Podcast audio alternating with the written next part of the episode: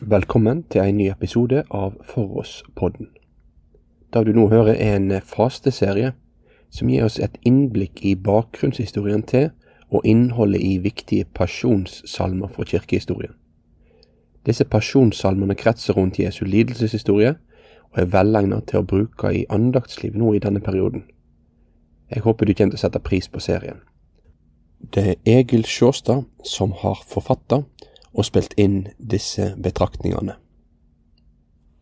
Vi skal i sju dager framover ha for oss fastebetraktninger, og de er knytta til salmediktere. Den første i dag, det er Paul Gerhardt. Vi går tilbake til den tida han var en moden mann på 40 år. Han har vært huslærer og prest. Nå sitter han med fjærpenna og grubler tenker han tilbake på livet sitt, på barneåra da krigen nådde deres by, litt utenfor Wittenberg. Krigen som senere fikk navnet 30-årskrigen. Eller gjenopplever han kanskje dagen da far forlot dem? Eller da mor døde? Disse åra fra han var 11 til han var 14 år, var traumatiske for Paul. Sorg og fortvilelse må ha prega gutten i denne tida. Kanskje tenker han på lysere minner, på barneskolen og latinskolen og på all sang og musikk som han opplevde, på guttenes korsang i kirka. Paul Gerhard er blitt voksen. Han veit at krigen snart er over. Fjærpennen hans oppleves rastløs i handa. Den vil formulere åndelig poesi på arket. Studieåra i Wittenberg, 100 år etter at Luther virka der, ble en grundig fordypningstid for han. En sterk evangelisk tone vant gjenklang i hjertet. Nå, etter at han kom hit til Berlin, er han blitt kjent med organisten Krüger. De dystre tankene må vike for gleda over å kunne skape noe, noe som tar folk med inn for Guds trone. Han vet at Krüger er villig til å gi ut salmene som han skriver, og lage musikk. Vi vil stanse for én av de salmene han skriver, en pasjonssalme. Den begynner med en visjon. Her ser jeg da et lam å stå som seg til døden skynder. Våre assosiasjoner går til døperens ord, se der Guds lam som bærer verdens synd. Vi hører også klangen av Jesaja 53, sangen om den lidende tjeneren, han som føres bort som et lam for å slaktes. Salmedikteren lar oss få se Jesus, Guds lam, på vei til offerstedet. Men vi får også høre han. Gerhard lar Jesus sjøl slippe til ordet på sin Via Dolorosa.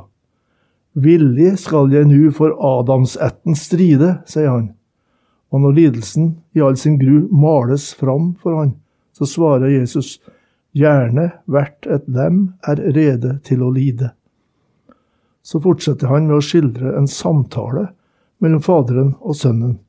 Det blir en dialog. Faderen har lagt en frelsesplan fra evighet. Sønnen er hos Faderen i en samtale om denne frelsesplanen.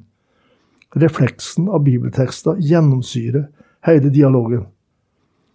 Det lam er Herren stor og sterk, til Adams etten bundet, som Gud til sitt forløsningsverk har ene dyktig funnet. Gå hen, min kjære sønn, og lid for dem som inntil evig tid i vreden skulle være. Den dom er grufull å utstå, men verdens frelse står derpå. Min sønn, vil du den bære? Ja, kjære far, av hjertens grunn, la skje som du vil skikke. La komme kun den bitre stund jeg dødens kalk vil drikke. Hvem fatter vel slik kjærlighet? så høy, så dyp, så lang, så bred, så ganske uten like. O kjærlighet, o himmelglød, du fører Han til kors og død som eier himmelriket.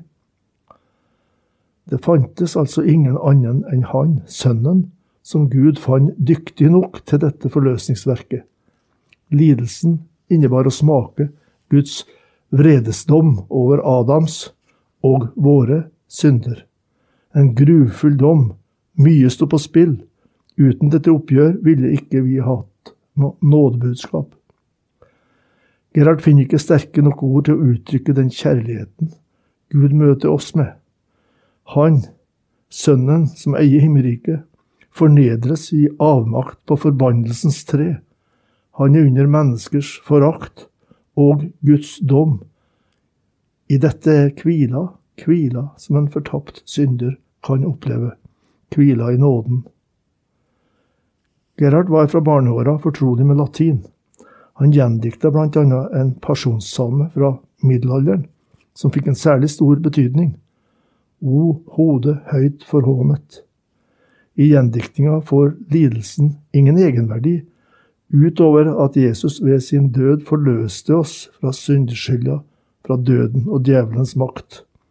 Merk hvordan Gerhard lar én kroppsdel betegner hele personen, slik også den opprinnelige salmen gjorde det. O hode høyt forhånet med blodig sår og ved, o hode tornekronet til smerte, smått og sped. O hode som var hedret og tilbedt inderlig, men nå så dypt fornedret, vær hilset hjertelig.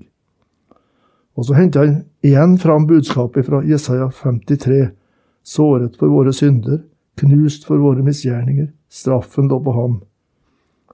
Min Jesus, du er såret for mine synder, så jeg burde ha bebåret den straff som på deg lå.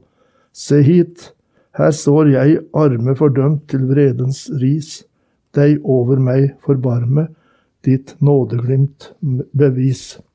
Ditt nådeglimt meg vis. Ta dette med deg nå i fastetida. Du er nok en synder, men Jesus er en virkelig frelser for virkelige syndere. Takk for at du valgte å få med deg denne episoden av foross.no sin fasteserie. Ønsker du å være med å støtte og videreutvikle Foross sitt arbeid? Da er du hjertelig velkommen til å gi ei gave til arbeidet via VIPS. Da er nummeret 70979. Det var 70979. Måtte du ha en god dag videre.